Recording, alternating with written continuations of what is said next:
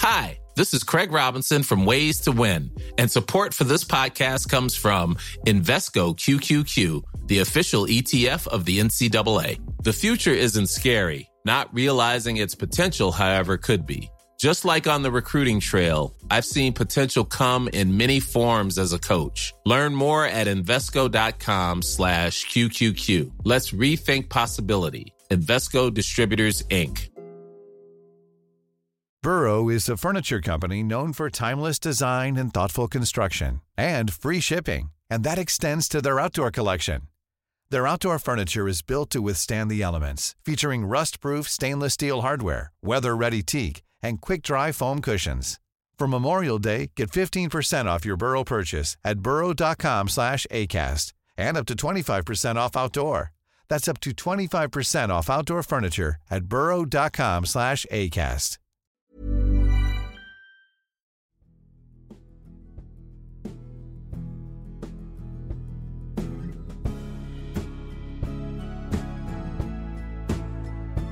I januari 2021 blir jag dumpad och är på en mörk plats.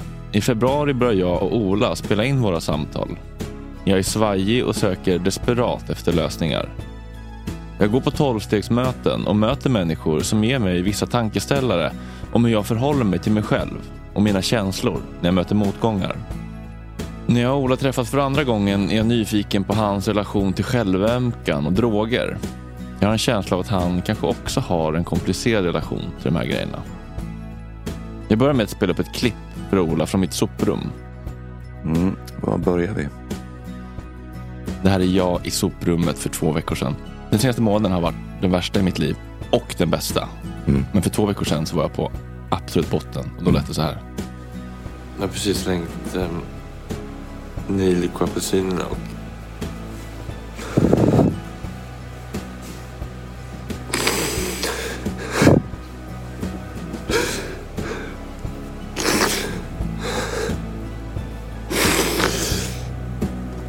tisten som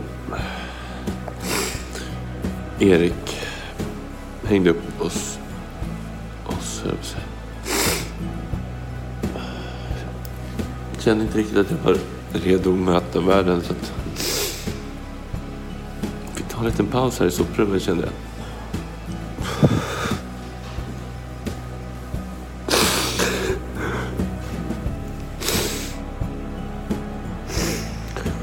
Inte ens om vi kysstes under tisten. Vad som jag inte tänkte, det är väl ingen brådska med det. Det finns alltid i världen för det.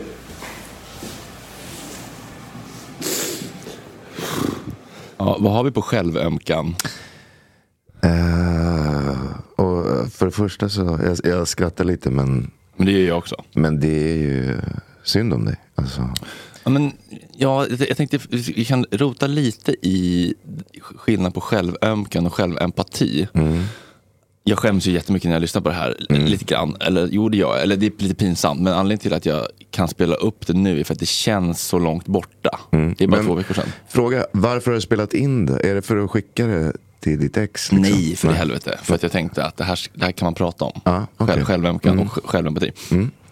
Jag tycker verkligen inte att man ska eller behöver liksom äcklas av sig själv när man gonar ner sig i självömkan. När man är riktigt förtvivlad. För jag tror att det finns en poäng med det också. Bara man inte fastnar i den. För jag, tycker, jag tycker att man får ömma för sig själv. Och empati tror jag handlar om, varför som jag har förstått det, att man kan känna med sig själv och förstå varför man kä- känner som man gör. Men att man inte gör sig själv till ett offer för omständigheterna. Fredrik i soprummet där står ju och tänker Åh vilken otur att jag har en otrygg anknytning och lider av beroendesjukdomen. Typiskt att allt det här ska hända mig. Vad jag än gör så blir det fel. Buhu och så Men vidare. det är också så här, du slänger nejlika-apelsinerna. mm, som han hängde upp. Exakt. Och tisten. Du gör alltså av med en symbol eh, för eran kärlek. Ja. Och det kan man ju göra antingen, "Hu, vad sorgligt. Eller så kan man säga, okej fuck it, nu går vi vidare. Ja. Alltså, förstår jag menar? Vad tror du är bäst? Ja, det är det För som är frågan. För att alltså. komma vidare. Eh, jag, jag går ju alltid på den andra.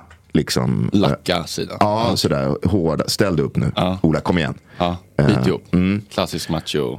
Ja, klassisk, eh, alltså också, jag tror kanske lite generationsgrej. Att, alltså det var så Absolut, tror jag. Vi fick lära oss liksom. Bit ihop, kom igen, Ja. ta dig i kragen. Ja, det, syrran din kan gråta men inte du. Mm, upp på hästen igen. Eh, och den tror jag är, är jävligt destruktiv i längden. Nej, men jag, jag har tänkt mycket på det här för att för två veckor sedan, då, då tror jag verkligen att jag tyckte synd om mig själv. Att jag var offer för alla mina omständigheter och eh, att jag har förstört allt men att det berodde på massa andra omständigheter. Och jag var så förtvivlad och det var så jobbigt allting. Men nu har jag redan kommit förbi det. Och det känns så jävla skönt. För det är också en sån grej jag gillar på CA-möten, Cocaine Anonymous. Det är väldigt lite självömkan där. Det är så här, vi måste ta ansvar för vår sjukdom, vi måste ta ansvar för våra känslor. För, det, för vi drar med oss så jävla många människor. Om du får diabetes så får du ta ditt insulin. Men missberoendesjukdomen, du sopar med dig kollegor, vänner, partner, barn, så jävla många människor som du själviskt nog bara suger med dig ner i ett mörkt jävla hål. Och det måste man ta ansvar för.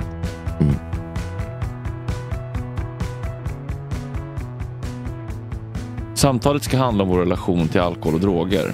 Vi pratar om hur det började, vad vi fått ut av det och vad det kostat.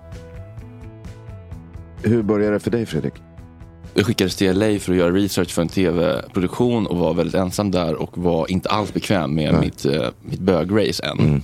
Bögrace. Och eh, bodde ensam i något jävla lägenhetskomplex där. Och eh, jag kände mig så jävla ensam i en stad med 12 miljoner. Men jag hade liksom bara en researchkollega och vi sågs någon gång ibland. Sådär. Och sen när jag upptäckte att jag vågade prata med den snyggaste killen i baren på det här. Så var det en otrolig befrielse. Och den här gränslösheten när man har sex och ja, allt rann av en. Och det var så otroligt jävla skönt bara. Och den effekten blev jag såklart kär i. Och sen så pratar man ibland om att så här, ja, det, man man kan knacka för effekt, flykt och identitet. Okej. Och allt det där kom ju, men först var det ju bara effekten. Men sen så blev det ju också kanske en flykt från jobbiga känslor. När jag kände mig sårad, förtvivlad, övergiven, dumpad. Whatever. Jag träffade någon kille där och han, han var inte heller ute. Han vågade inte berätta om mig för sina muslimska föräldrar. Han skulle åka till San Francisco och jag ville åka med, jag fick inte åka med. Då tog jag till det där för att det var en otroligt trygg famn. Och det, var liksom, det var som att spela på kasino fast vinst varje gång. Man, man vet ju exakt hur man kommer må. Det var ju sån jävla trygghet. Hur länge då? Och sen blev det också en identitet att jag la ut på Instagram och det blev liksom, folk nästan uppmuntrade det. Liksom. Man fick likes på att man var en jävla miserabel torsk typ. Ja, jag kommer ihåg första gången jag drog ladd. Att det också blev en enorm effekt. Alltså, Men du känns ju som att du inte hade inte problem med att prata med damer innan. nej, men det, för det använde jag ju alkohol till. Däremot så blev det ju en enorm sådär, alltså jag kände mig mäktig. På ett sätt som jag aldrig hade gjort. Alltså jag kände mig snygg och sexig och allt sånt där som jag aldrig hade känt. Men, men för mig så var det ju räddningen att det inte funkade med sex. Liksom. Ja. Eh, Och då kände jag, nej men vänta. eh, Det är viktigare ändå att kunna knulla än att känna Men sig det, sex. det är intressant att säga- för, för mig blev det väldigt betingat med sex. För att jag var så osäker. och Så att jag behövde typ ta det för att våga träffa killar på Grindr där. Men jag blev också impotent. Men det var som att det ändå var värt det för jag blev så jävla kåt. Så jag kanske, ka- istället kanske kunde våga säga att jag ville bli knullad. Typ, som var kanske en jätteskam innan. Ja. Men eh, hur mycket, alltså den här eh, liksom, eh, identiteten som, som bög då, eller eh, annorlunda på det sättet. Och den skammen, eller vad man ska kalla det. det. Hur mycket har det med grejen att göra? Nej, Jag tror, jag tror det var en stor, en stor grej för mig. Att jag, att jag blev helt skamfri i det där. Och kunde gå runt på de där jävla bögklubbarna och bara prata med vem fan som helst. Det var ju helt, det fanns ju inte på kartan innan. Alltså, ingen, ingen alkohol i världen kunde ge, ge mig det självförtroendet. Ja, alltså jag, jag har inte behövt ladd, men jag försvarar ju alkohol på det sättet. Jag vet att jag inte, alltså jag vet att jag fortfarande hade varit lika skraj och meningslös som farsan om inte jag hade hittat folköl. Liksom. Ja. Alltså, så, så är det bara. Eller vet du det? Det kan du ju inte veta. Jo, det vet jag fan med alltså. Eh. alltså och, och sen så och sen så eh, får man ju vara tillräckligt liksom eh, sannings godtrogen med sig själv för att förstå att, att man får ju inget nytt av skiten. Men eh, om, om jag fick välja så skulle jag inte ha valt att jag aldrig hade druckit i mitt liv. Nej. Hade du? Nej. Nej. Nej, nej, nej. nej alltså jag, jag gillar att jag sitter här idag. Ja. Trots allt skit som hänt. Men det är också så lätt att hitta de positiva grejerna. Jag kommer ihåg nu när jag var inne i mitt brukande igen och bara säga, jag hade aldrig träffat Erik på Thai Tigern den där kvällen om jag inte druckit. Jag hade aldrig följt med till Thai Tigern klockan ett om jag inte hade druckit. Det händer ju fan feta saker på de här efterfesterna också. Och det gör det ju. Ja. Och jag tror att det är det också man måste vara ärlig med. Att det är inte bara bajs. Själva effekten då? Hur, hur länge höll det i sig att, du- att du kände dig så här mäktig på det? Liksom? För att för mig tog det bara några gånger så var den effekten liksom borta. Ja, det klassiska att man jagar uh, jungfrusilen. Ja visst. Alltså det, det, det, ble- det blev ju absolut sämre. Alltså, men men det, det fanns ju fortfarande där. Men det är klart, det blev ju aldrig som, som i början. Ja. Låter vi drogromantiska nu? Eller?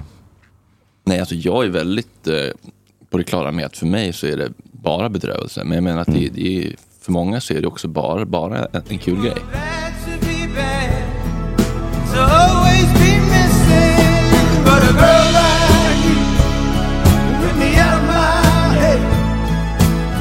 Tears on your cheek. I want them in my bed. I'll take you of sight. När var det som mörkast? Ja, men jag har en minnesbild av att jag sitter under en gångtunnel under Liljeholmsbron. Det regnar utanför och jag sitter på marken och eh, nycklar ladd för att jag har bråkat med min kille och eh, scrollar desperat på Grindr efter något. Någon slags tröst och hittar någon någon äcklig trekant jag inte alls vill vara med på. Så går jag dit och så är den ena killen eh, snygg och den andra är tjock och äcklig. Och jag frågar om jag får ta ladd, om jag får ta ladd mm, där och det får jag inte. Så blir jag sur och så går jag därifrån. Nej, men jag har massa andra exempel också. Jag är på inspelning och kör på hela nätter och fuckar upp och håller på att missa flyg. och Har du missat flyg också? Nej, inte missat flyg riktigt, men har väl bara kommit till direkt till jobbet och sånt där. Och, eh, Amatör. Ja. men jag tänker att så här, ja, men sårat människor jag inte alls vill såra, men Mm. allt det här med att man fuckar upp relationer och jobb, det värsta som det leder till, det är egentligen känslan inför en själv. Ja. Alltså vad gör det med min, eh, min självkänsla och min, min självbild? Det göder ju det här hjärnspöket som säger att jag förtjänar att må skit. Mm. Så det är väl det jag tänker egentligen är den, den värsta konsekvensen av att, eh, av att göra så här i slutändan. Mm. När har det varit som mörkast för dig? Jag tror att det var efter min första skilsmässa när min exfru då hade Eh, bestämt sig för att dra till London. Och jag satt kvar själv där med min son. Och kände så här, fan det här, jag pallar inte, det går inte, jag kommer inte klara av det. Och satt och drack och till slut så tog jag så här idiotbeslut att liksom köra ut min son till morsan. På fyllan körde jag någon gång på förmiddagen. Liksom. Jag kommer fortfarande ihåg när jag drog förbi universitetet. Jag kände, vad fan. jag är riktigt, riktigt packad. Liksom. Jag kände att det gick svajigt där. Men jag fortsatte ändå ut till Vallentuna och lämnade min son där ute. Och sen körde jag ut till Bagarmossen och la mig en knarkarkvart och sköt heroin i två veckor. Mm. Mm. Du vann. Okej, hade du tagit heroin förut då? Nej, eller jag hade rökt heroin någon gång. Ett par gånger kanske, i Frankrike. Det känns ändå som ett stort steg att gå till eh, injektion. Ja, det var ett riktigt stort... Alltså det var ju det var precis det där som du säger. att Jag hade ju också fuckat upp alla relationer då.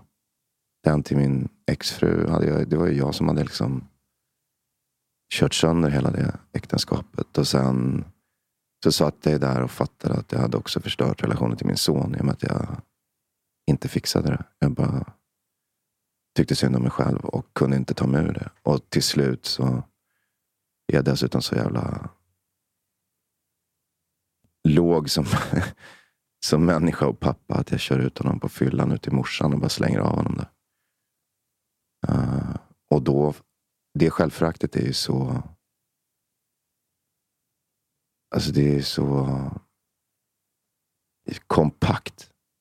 Så att det, det känns ju inte som, eller då kändes det inte som det fanns något, något annat att göra. Och det var väl att jag tänkte att jag skulle dö tror jag. Eh, jag, tror, jag tror inte att jag hade väntat att jag skulle liksom kunna ställa mig upp där i den där knarkarkvarten och säga okej, okay, nu räcker det. Men det kunde jag ju till slut. Och vad fick dig att resa dig upp och gå därifrån? Ja, alltså det måste ju varit att jag inte stod ut med att lämna min son där. Ute hos morsan i Vallentuna. Att jag kände så här, vänta nu. Uh, det är okej okay att jag kan kanske bestämma över mitt eget vara eller icke vara. Men hans då? Jag har fan inte rätt att göra det.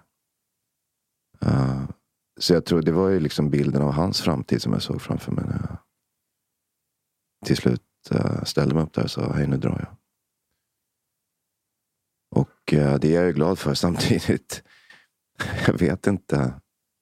Ibland så tänker jag så här, han, han, han kanske varit bättre för honom om jag hade fullföljt den där planen.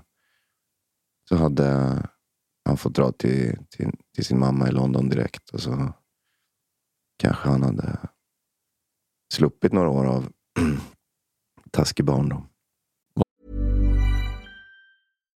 If you're looking for plump lips that last, you need to know about Juvederm lip fillers. With Juvederm Volbella XC and Juvederm Ultra XC, your lip look, whether it's subtle or bold, can last up to one full year with optimal treatment and no additional maintenance. Find a licensed specialist and see if it's right for you at juvederm.com today. That's J U V E D E R M.com. Add fullness to lips in adults over 21 with Juvederm Volbella XC or Juvederm Ultra XC. Do not use if you have severe allergies or a history of severe allergic reactions, or if you're allergic to lidocaine or the proteins used in Juvederm. Tell your doctor if you have a history of scarring or taking medicines that decrease the body's immune response or that can prolong bleeding. Common side effects include injection site redness, swelling, pain, tenderness, firmness, lumps, bumps, bruising, discoloration, or itching. As with all fillers, there's a rare risk of unintentional injection into a blood vessel, which can cause vision abnormalities, blindness, stroke, temporary scabs, or scarring. For full important safety information, visit juvederm.com. Everyone knows therapy is great for solving problems, but getting therapy has its own problems too, like finding the right therapist, fitting into their schedule, and of course, the cost. Well, BetterHelp can solve those problems. It's totally online and built around your schedule. It's surprisingly affordable too. Connect with a credentialed therapist by phone, video, or online chat, all from the comfort of your home. Visit betterhelp.com to learn more and save 10% on your first month. That's BetterHelp, H E L P. Vad tror du att du har förlorat till följd av eh, substanserna? Alltså det enkla svaret är väl relationer till familj, vänner och också ex. Då. Jag, jag tror att jag det som känns tydligast på något sätt är att jag har förlorat en, en bra relation till eh, mina barns mammor på grund av det. Jag tror att jag hade varit eh, Jag tror att jag hade varit en större och smartare människa i förhållande till dem och lyckats ha en bättre relation. Och det tror jag att mina barn sörjer ganska mycket. Att det att periodvis har varit så jävla dåligt mellan deras föräldrar. Och det tror jag är mycket mitt fel. Att jag har supit bort det. Liksom. Och, och de perioderna jag inte har haft mina barn varit jävligt dålig och eh, självupptagen i kommunikationen med deras mammor. På grund av att jag har liksom supit för mycket. Det, det, det som smärtar mest i alla fall. Sen, sen jobb såklart. Då. Att man har bränt massa jobb och sådär. Men det är inte... Ibland känns det nästan som, som en fördel. Varför då? Nej, men det är ju någonting, när man jobbar som skådespelare i alla fall, att man är, känner sig ofta prostituerad. Eller jag har gjort det i alla fall. Att du har så otroligt lite makt över det du skapar. Ändå ska du vara där och, och blotta dig så mycket och, och bidra med så mycket energi och nakenhet på något sätt. Och så får du ändå aldrig varken pengarna egentligen eller, eller någon kontroll över slutresultatet. Och det där blir för mycket till slut för mig och då är jag tvungen att, att markera mitt liksom, självbestämmande eller min, min integritet på något sätt. Och då kan det faktiskt, tror jag, ibland ha varit värt att, att plocka bort den där spärren som, som alkohol ibland pl- plockar bort. Att, man, att artigheten försvinner. Så säger man, för att du har pengarna gubbjävel så bestämmer inte du över mig. Jag drar nu. Men när du sätter en sån gräns på fyllan då, respekteras den av omgivningen? Nej, den skrämmer ju omgivningen. Eh, och sen så har det ju också den konsekvensen att då kan man skylla allt skräp på mig. För att det inte, i en produktion när det, när det väl brister på det sättet så är det inte bara mina arbetsförhållanden som, som krisar. Utan det är en massa andra saker också. Men då kommer ju alla undan ansvaret för de grejerna också. För att det var Ola som fuckade upp och det är han som kostar pengar nu och det är han som har snott en produktionsbil och dragit till Stockholm. När gjorde du det? Var det Wallander eller? Ja, bland annat. Jag gjorde det i Allt om min buske också. Då brann det i vår lägenhet på Frejgatan i Stockholm. Noomi kom hem och hade filmat i Köpenhamn. Lev var skitliten, kom hem med, med Lev på armen. Har hämtat upp honom hos sin mamma då. Och så kommer man och öppnar dörren och det bara väller ut svart rök ur lägenheten. Och så ringer hon till mig och då håller jag på att filma natt i Vänersborg. Uh, och jag säger okej, jag kommer. Uh, och så, så ringer jag först din polare och säger kan, kan Noomi och, och Lev komma över till dig som bodde runt hörnet? Liksom. Ja, absolut. Och sen gick jag till producenten och sa jag måste dra, det, det brinner i vår lägenhet i Stockholm. Men då till saken hör att då hade, vi filmade natt.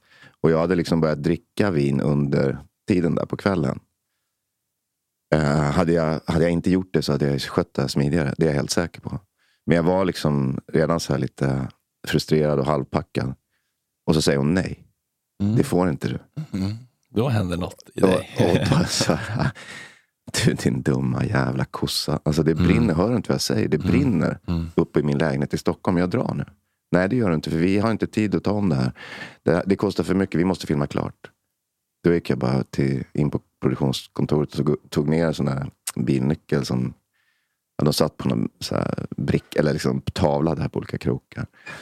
Så plockade jag ner den, sen gick jag bara ut och kollade vilken det var som började blinka på parkeringen. Så att jag bara körde.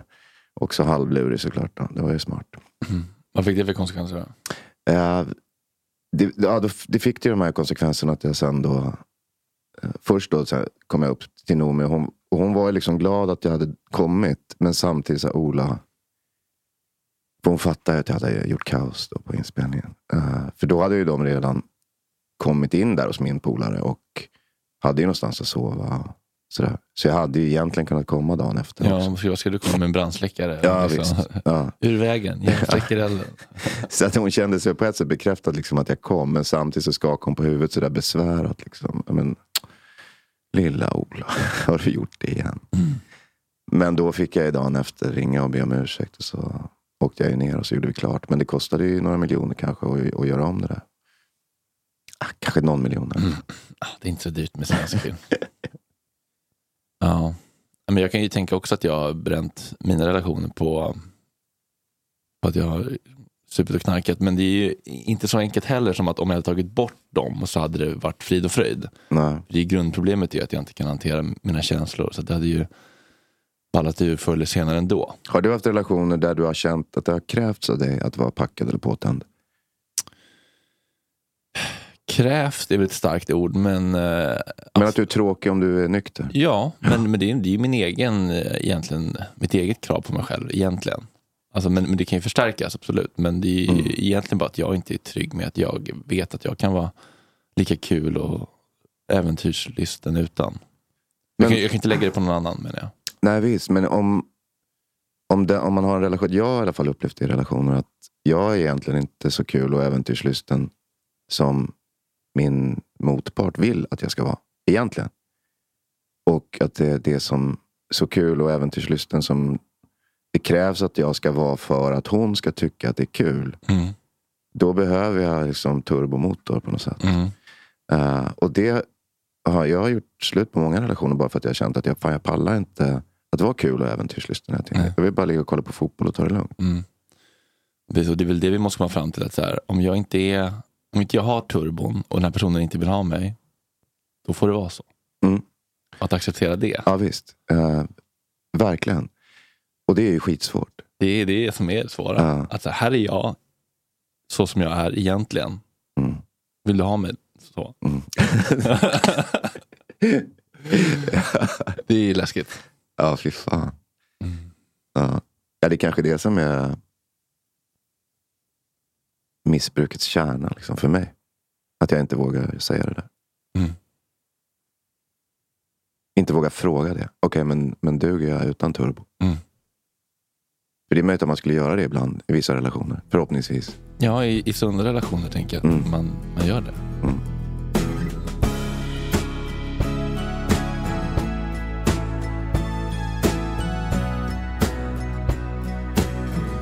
När det här spelas in i februari går jag som jag nämnde på tolvstegsmöten.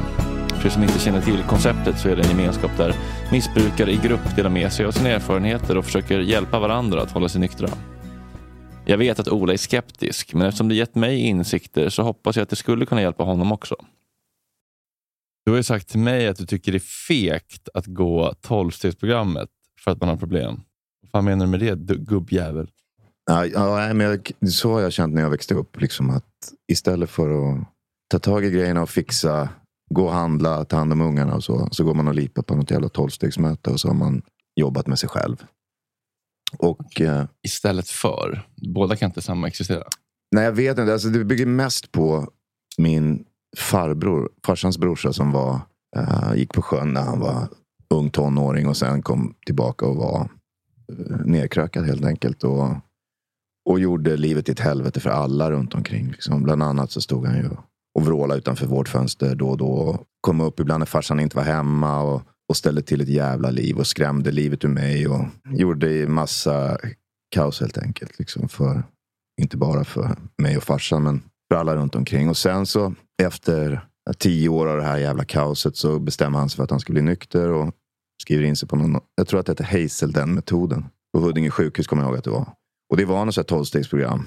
Eh, jag vet inte om det skiljer sig från det du håller på med. Men, Ofta är ju grunden väldigt lik och så har ju folk lite olika varianter på det. Typ. mm. men då var han i alla fall inne i något steg där han skulle be om förlåtelse. Då, Mm. eh, till dem som han hade gjort illa. Och, och det hade han ju med mig. Då, så att, då skulle jag komma till Huddinge sjukhus. Sätta mig i någon vit jävla sal. Massa andra alkisar runt omkring. Då, och, och så skulle han be mig om ursäkt för Ja, inför dem? Ja, det var, jag- som jag minns det så var det både någon eh, terapeut och eh, de andra patienterna. Då. Jaha, fan vad speciellt.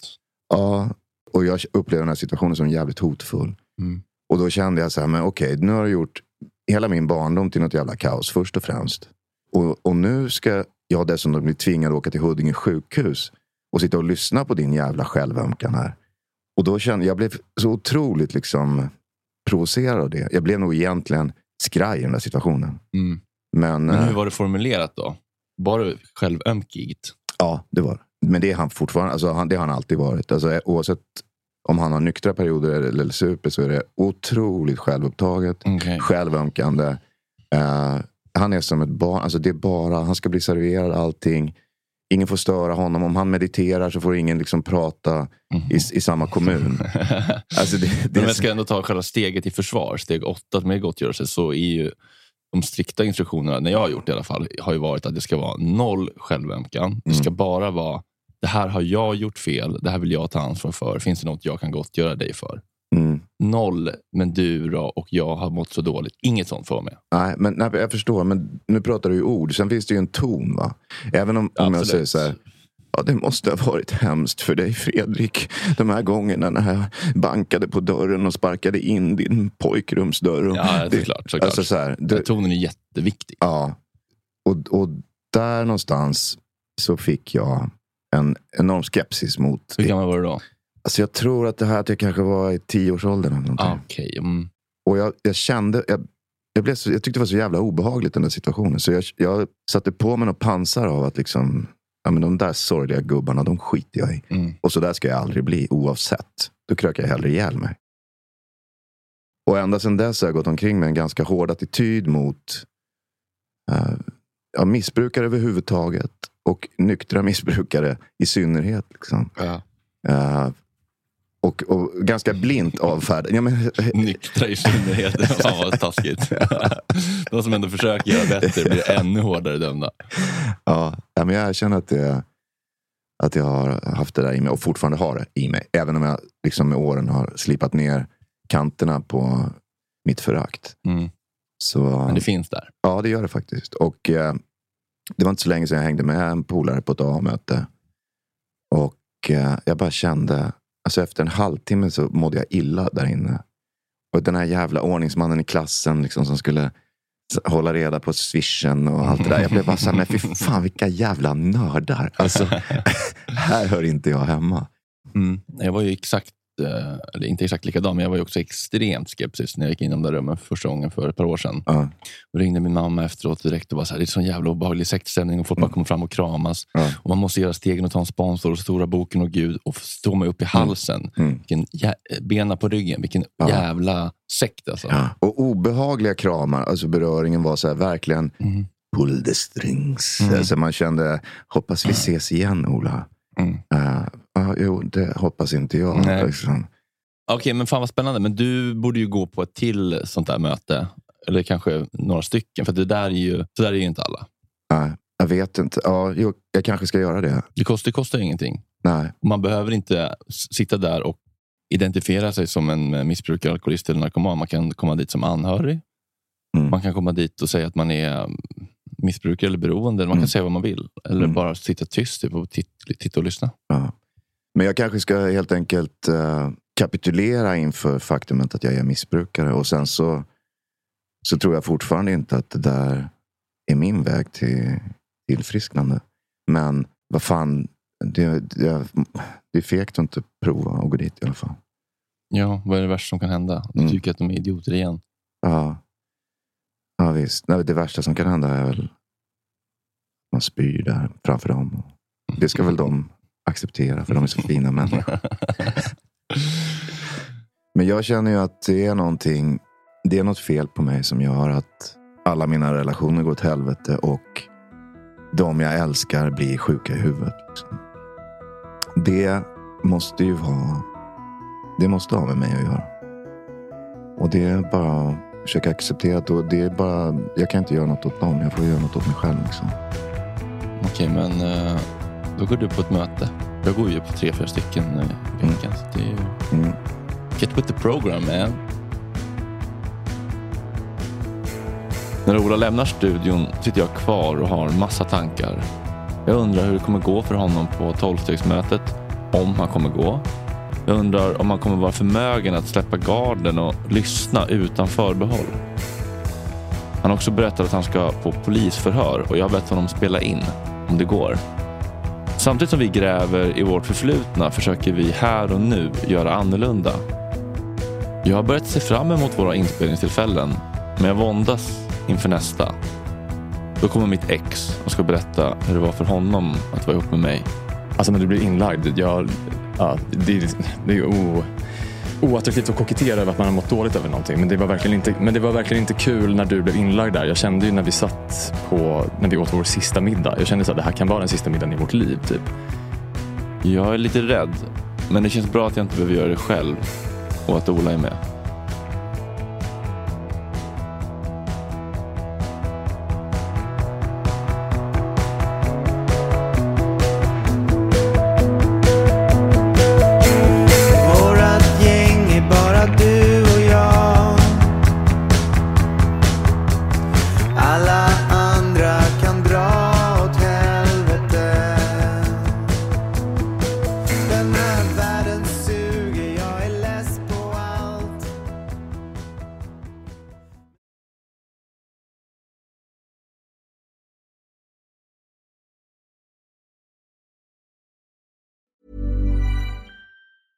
Planning for your next trip? Elevate your travel style with Quince. Quince has all the jet setting essentials you'll want for your next getaway, like European linen, premium luggage options, buttery soft Italian leather bags, and so much more. And is all priced at 50 to 80% less than similar brands. Plus, Quince only works with factories that use safe and ethical manufacturing practices. Pack your bags with high-quality essentials you'll be wearing for vacations to come with Quince. Go to quince.com slash pack for free shipping and 365-day returns.